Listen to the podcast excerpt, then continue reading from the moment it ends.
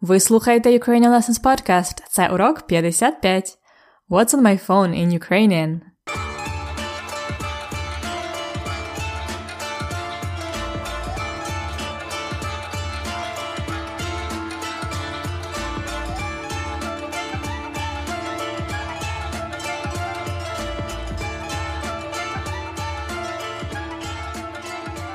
Добрий день, це Анна, ваша вчителька української.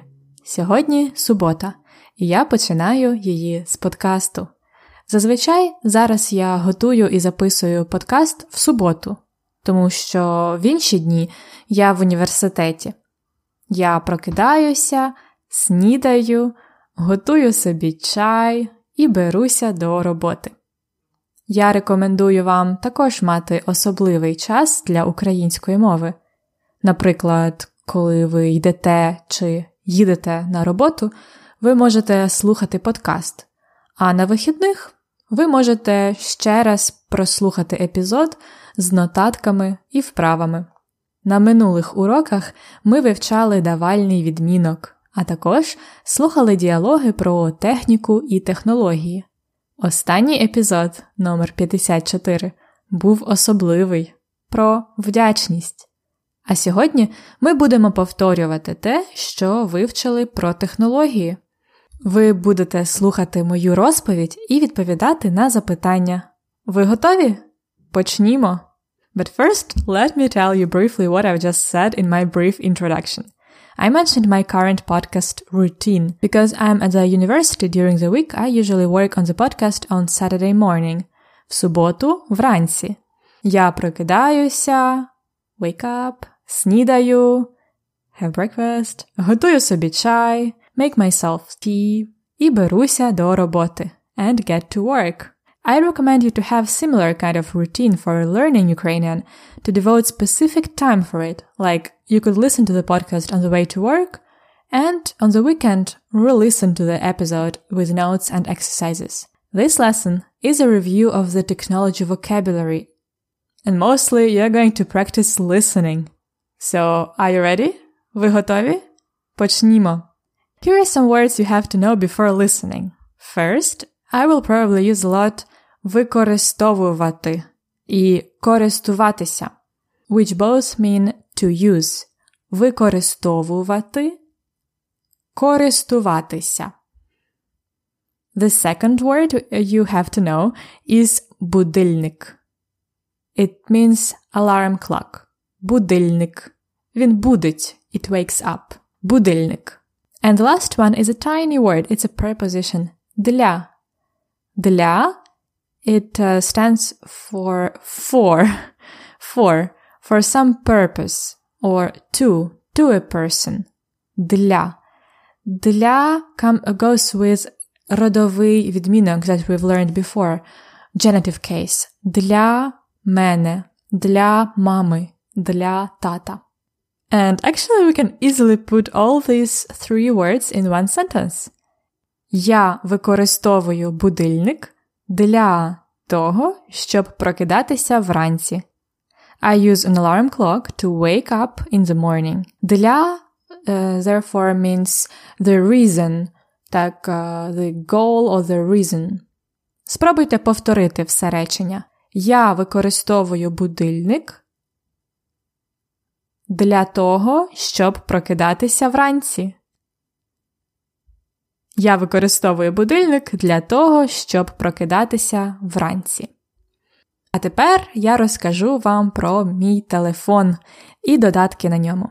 Спочатку я буду говорити повільно, а потім розкажу ще раз швидше. Добре? Готові? Тоді слухайте повільно. То що на моєму телефоні? Ось він, мій телефончик. Це чорний iPhone 5S. І я дуже його люблю. Мені подобається гарна і швидка техніка. По-перше, у мене, звичайно, є стандартні програми. Я переважно використовую камеру, фотографії, годинник і будильник, калькулятор, погоду, браузер, нотатки. О, так, і я дуже часто слухаю подкасти. Частіше, ніж музику. По-друге, це додатки, пов'язані з моїми хобі. Найбільше я люблю подорожувати і вивчати мови. Тому у мене є окрема група додатків для подорожей і цілий екран додатків для вивчення мов. Для подорожей я використовую карти. У мене є три популярні додатки для карт: Apple карти, Google карти і Maps.me. Для транспорту я використовую Uber, Уклон, це український Uber, а також BlaBlaCar, Каяк. Для житла Booking, Airbnb і Couchsurfing.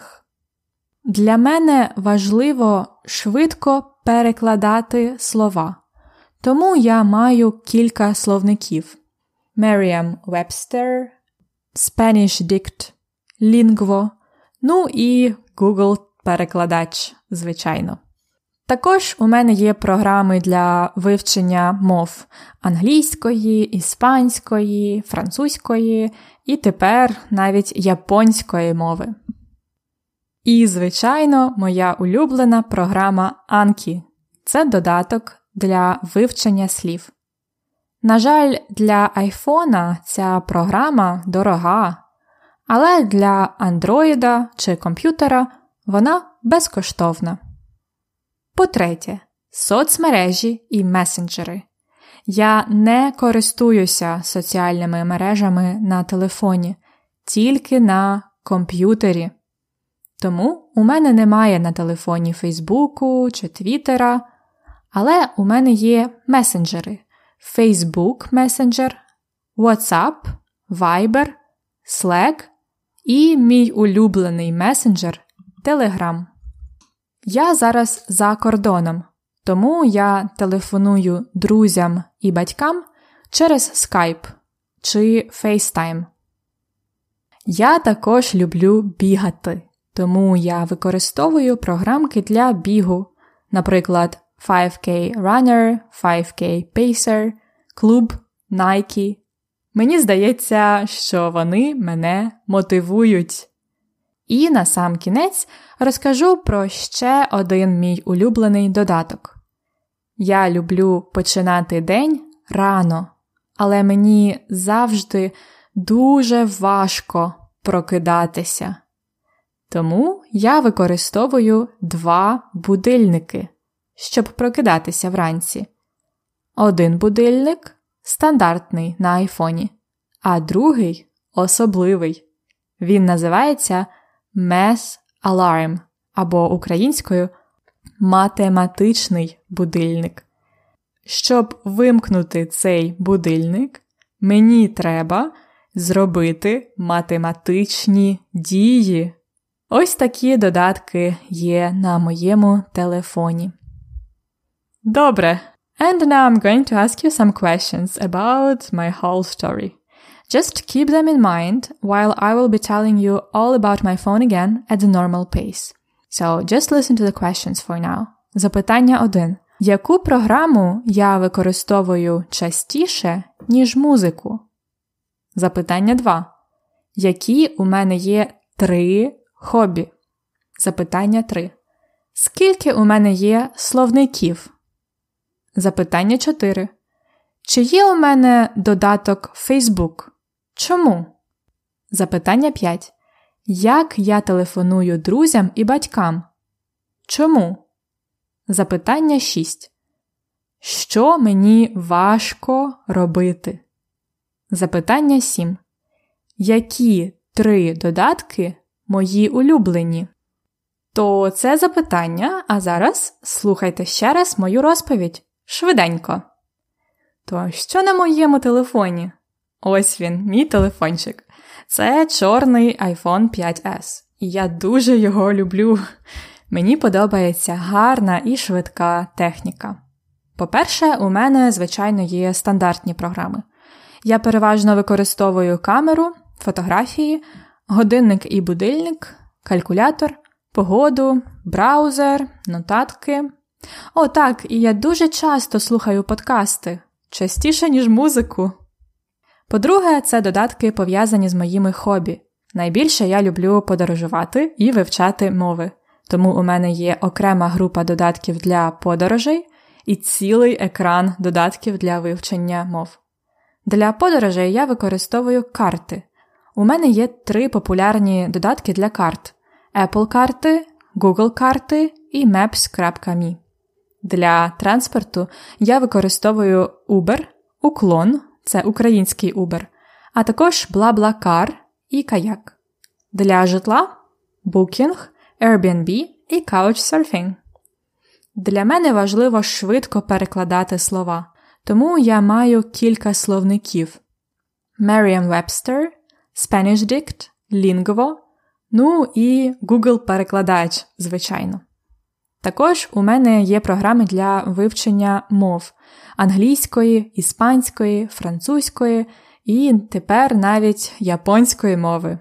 І, звичайно, моя улюблена програма Anki – це додаток для вивчення слів. На жаль, для айфона ця програма дорога, але для андроїда чи комп'ютера вона безкоштовна. По-третє, соцмережі і месенджери. Я не користуюся соціальними мережами на телефоні, тільки на комп'ютері. Тому у мене немає на телефоні Фейсбуку чи Твіттера, але у мене є месенджери: Facebook Messenger, WhatsApp, Viber, Slack і мій улюблений месенджер Telegram. Я зараз за кордоном, тому я телефоную друзям і батькам через Skype чи FaceTime. Я також люблю бігати, тому я використовую програмки для бігу, наприклад, 5K Runner, 5K Pacer, Клуб Nike. Мені здається, що вони мене мотивують. І на сам кінець розкажу про ще один мій улюблений додаток. Я люблю починати день рано, але мені завжди дуже важко прокидатися, тому я використовую два будильники, щоб прокидатися вранці. Один будильник стандартний на айфоні, а другий особливий. Він називається Math Alarm або українською математичний будильник. Щоб вимкнути цей будильник, мені треба зробити математичні дії. Ось такі додатки є на моєму телефоні. Добре. And before we move to the questions, let me just uh, mention something in the composition of this story. So I had some linking words, like по-перше, at first, по-друге, secondly, по-третє, thirdly, і на сам кінець, and at last. These are very good ways for you to put your thoughts in order while you are talking about something or writing. По-перше, по-друге, по-третє і на сам кінець.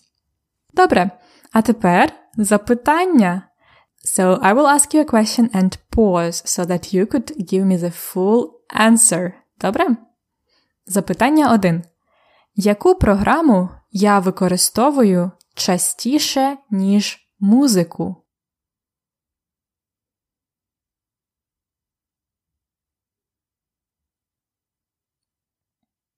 Яку програму я використовую частіше, ніж музику? More often than music. Яку програму я використовую? You could say you use podcasts more often than music. Ти використовуєш подкасти частіше, ніж музику. Запитання 2. Які у мене є три хобі?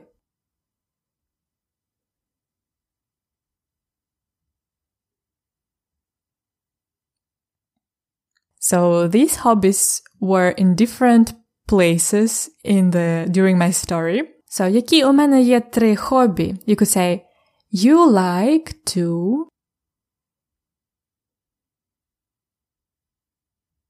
Тобі подобається подорожувати, travel, подорожувати, вивчати мови, learn languages, і what was the third one? It was at the end of my story. Бігати, бігати, to run. Тобі подобається подорожувати, вивчати мови і бігати. Запитання 3. Скільки у мене є словників?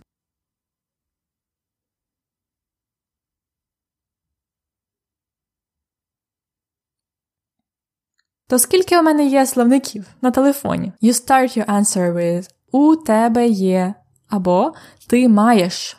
So you can say У тебе є чотири словники. Або ти маєш чотири словники. It was Merriam-Webster English Dictionary, uh, Spanish Dict, Spanish Dictionary, Lingvo uh, with many different languages, and of course, перекладач Google, Google Translate. Запитання 4. Чи є у мене додаток Facebook? Чому?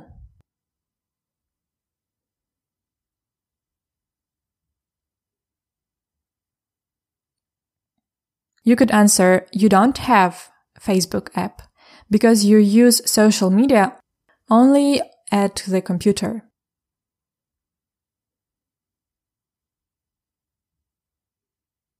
У тебе немає додатку Facebook, тому що ти використовуєш соціальні мережі тільки на комп'ютері. So we say на комп'ютері, на телефоні, на планшеті.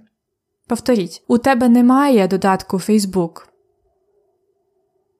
Not how we use genitive. У тебе немає додатку Facebook. Тому що ти використовуєш соціальні мережі тільки на комп'ютері.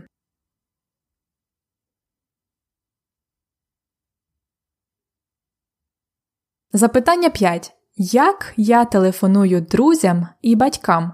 Чому?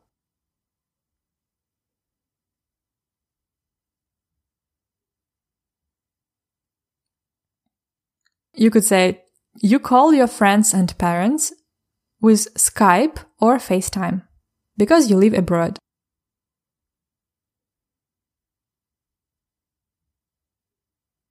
Yes, it's quite expensive to make international calls, so ти телефонуєш друзям і батькам, dative, plural, ти телефонуєш друзям і батькам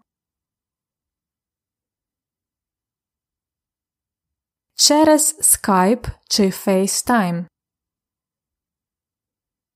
Тому що ти живеш за кордоном. You could also say у Skype, у FaceTime. Or use через like through через Skype чи FaceTime. Ти телефонуєш друзям і батькам через Skype чи FaceTime, тому що ти живеш за кордоном. Запитання 6. Що мені важко робити? Що мені важко робити? What is difficult for me to do? Мені.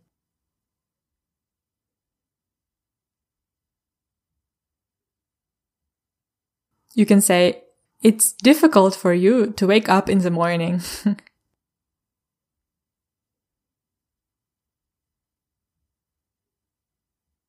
Тобі важко прокидатися вранці.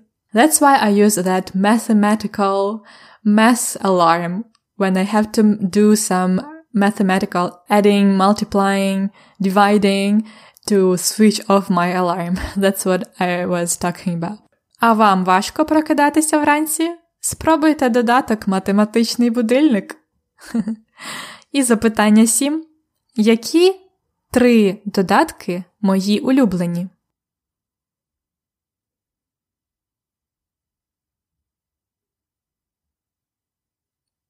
So again, I mentioned uh, my favorite apps in different parts of my story. Do you remember them? Пам'ятаєте?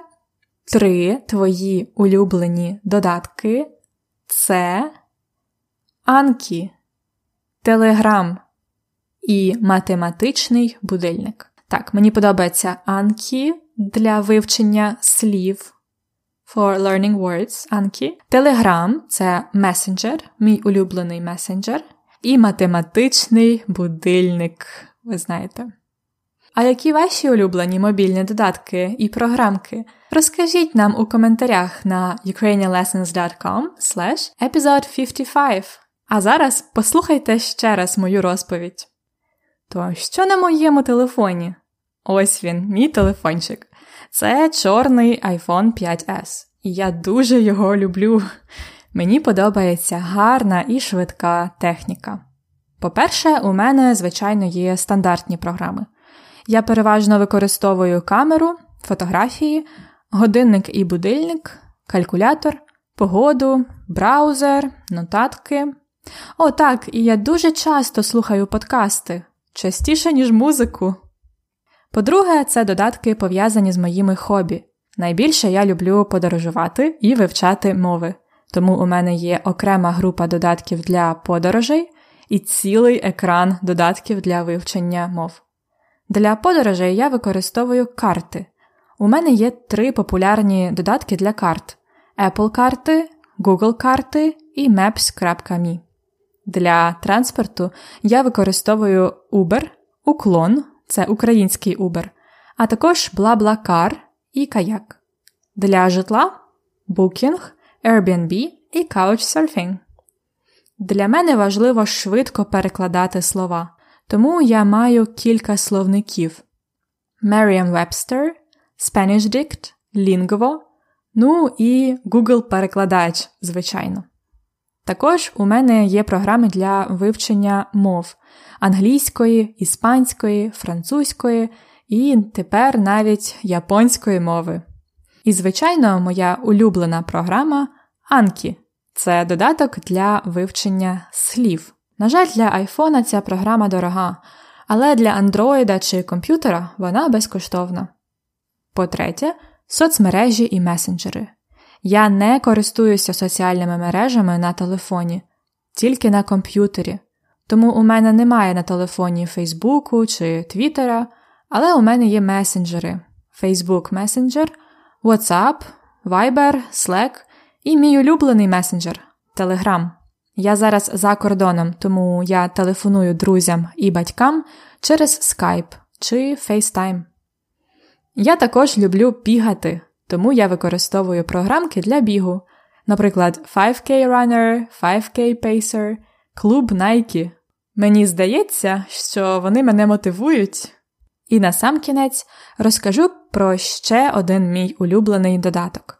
Я люблю починати день рано, але мені завжди дуже важко прокидатися, тому я використовую два будильники, щоб прокидатися вранці. Один будильник стандартний на айфоні, а другий особливий. Він називається Math Alarm або українською математичний будильник. Щоб вимкнути цей будильник, мені треба зробити математичні дії. Ось такі додатки є на моєму телефоні.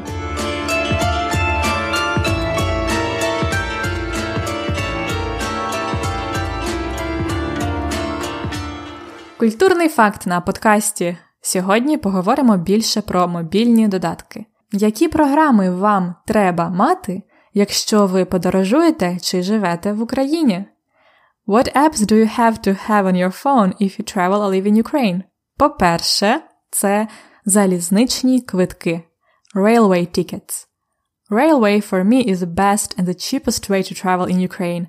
When I'm in Ukraine, there is no a month when I don't take a train. And best of all, you can buy a ticket and choose your seat conveniently online. This year, also the Ukrainian train company Ukrzaliznytsia has also released their official app for both iOS and Android, and it has good reviews. It's called Zaliznychny Kvitki Railway Tickets. I can't wait to use it when I come back to Ukraine. По-друге, Uklon і Uber. I have mentioned these apps in my story, so you must have heard about Uber. It's basically a taxi you order by app. It's very convenient uh, because you don't have to pay in cash, which is great because the taxi drivers in Ukraine usually will ask you double or triple price. Also, in Ukraine, we also have an Uber-like app which was created by Ukrainians before Uber came to Ukraine. It's called Uklon, which stands for Uber Clone, clone. I use it often too because it can be even cheaper than Uber.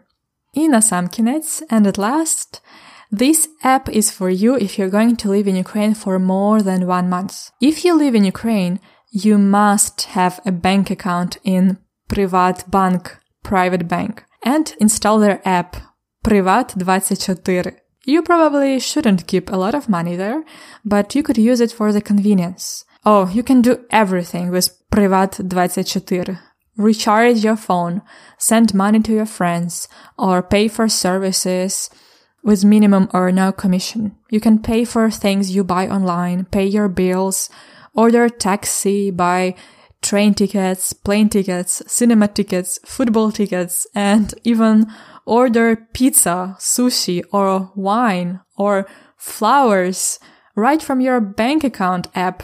And it's connected to your card, of course, so you pay automatically. Every described action takes one or two clicks. I will put the links to the apps I mentioned at ukrainianlessons.com slash episode 55. Ласкаво просимо до України! Come to Ukraine to try those apps out!